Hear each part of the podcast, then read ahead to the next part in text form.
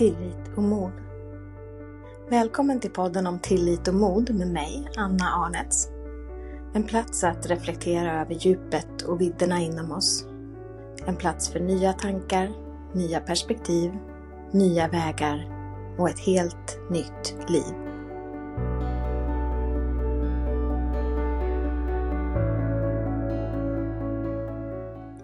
Energin av pengar, det är kärlek. Det här är någonting som vi är så många som har fått om bakfoten. Vi lär oss saker som att pengar är roten till allt ont, pengar växer inte på träd.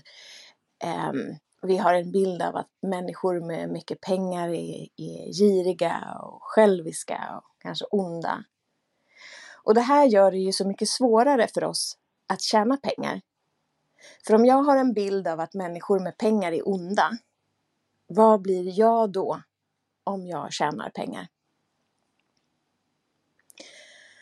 Och det är väldigt vanligt bland människor som är inom det andliga. Människor som, nästan alltid kvinnor, jobbar med sin själfulla verksamhet. Man är här för att ge sin gåva till världen och för att uppfylla sin själssyfte.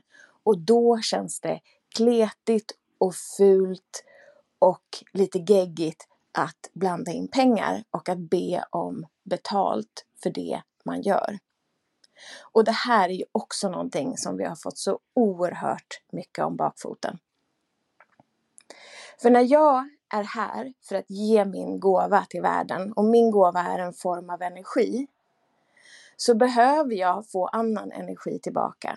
Och vi har i det här samhället som vi lever i idag bestämt att den allmänt vedertagna energin som vi utbyter för tjänster och varor är pengar. Och den här typen av energi behöver jag för att överleva. Sen finns det andra typer av energi och andra värden i livet som självklart också är viktiga. Vi behöver ju också luften för att leva.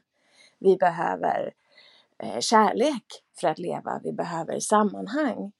Men för att klara av den fysiska verkligheten som den är uppsatt idag så behöver vi pengar. Och det är inte fult att ta betalt av människor. Det är inte fult att ge sin gåva till världen och att få pengar tillbaka. Utan det här är snarast någonting som händer av sig självt. När du har en gåva som är unik och speciell och värdefull för andra så kommer de, trot eller ej, att vilja betala för det. Men du måste ge dem möjligheten. Du måste ge möjligheten genom att erbjuda tjänster eller erbjuda dig att vara eh, av service eh, till andra människor. Och det är inte fint att lida ekonomiskt. Det gör inte dig till en bättre människa. Eh, det är inte, finns inte vissa sätt som är finare att ta emot pengar på än andra. Ehm, det är inte finare att vinna pengar på Lotto än att ha en hög omsättning i sitt företag. Det finns otroligt mycket saker i det här som vi måste trassla ut.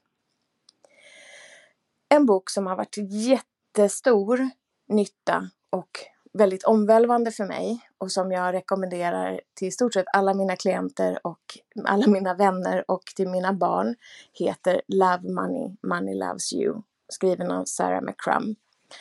Och den här boken, det är energin av pengar som berättar för oss människor vad de vill säga för oss. Och jag tänkte läsa en del av första kapitlet och det blir en översättning direkt av mig om det blir lite hackigt. Men vad pengar vill säga till dig? Jag vill säga till dig att älska mig. Le mot mig, samla mig, njut av mig, känn min kraft, spendera mig, investera mig, ge mig, betala med mig, ta mig. Jag är en energi. Jag är väldigt kraftfull och vacker. Jag är en otrolig, eh, ett spindelnät av connections och kopplingar. Jag är ljus. Jag är inte smutsig. Du är alldeles för rädd för mig, som du är för många saker. Du kan öppna upp och ta emot mig helt i ditt liv. Det är inte för sent. Du kan börja nu. Bara öppna dig själv och säg ja. Var modig. Älska mig. Älska dig själv så att du kan ta emot min kraft, min skönhet, mitt ljus, min um, my glory. Jag är inte djävulen, jag har aldrig varit det. Jag är en glorious being of light. Jag kopplar ihop människor med varandra. Jag är så flexibel så du kan använda mig som din um, channel, uh, to channel your creativity. Bara kör. Jag väntar på dig. Du måste öppna ditt hjärta. Du är för rigid, för rädd och det finns ingenting att vara rädd för. Du kommer att vinna. Inte bara mig, men livet. Jag finns alltid här för att hjälpa dig. Så bara acceptera mig och jag kommer att komma till dig så fort. Det finns massor av mig som väntar på dig. Du har valt att ha mer. Vänta inte. Bara ta mig. Jag kommer att älska dig.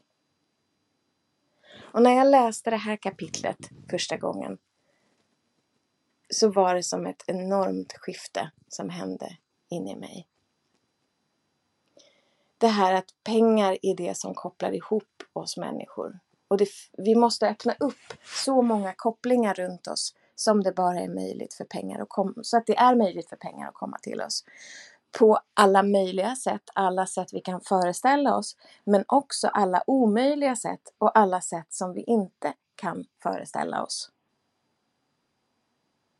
För varje gång som vi tror att vi har svaret och vi vet hur saker ska, kan bli och vi blir logiska, då har vi ju tagit bort alla möjligheter för magi. Vi har sagt att jag vet bättre. Min intelligens är större än den stora allomfattande intelligensen. När vi egentligen bara är små spelpjäser på ett bräde som det sker så otroligt många saker runt som vi inte kan se. Det är inte själviskt att ta emot pengar. Pengar är inte begränsade.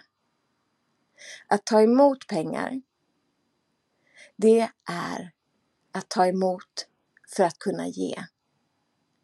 Så det är själviskt att inte ta emot pengar. Det är själviskt att inte ta betalt för sina tjänster och det är ännu mer själviskt att inte ens erbjuda sina tjänster till världen. För om du litar på att pengar i dina händer är bra för världen, om du litar på att du kommer göra gott om du får pengar i dina händer, så öppna och ta emot de pengarna. För när du har mer pengar så kan du i din tur använda de pengar för att skapa nya och andra kopplingar så att andra människor får mer pengar. Vi sätter hela systemet av pengar i rörelse. Det är inte fult, det är inte smutsigt, det är också en gåva till världen.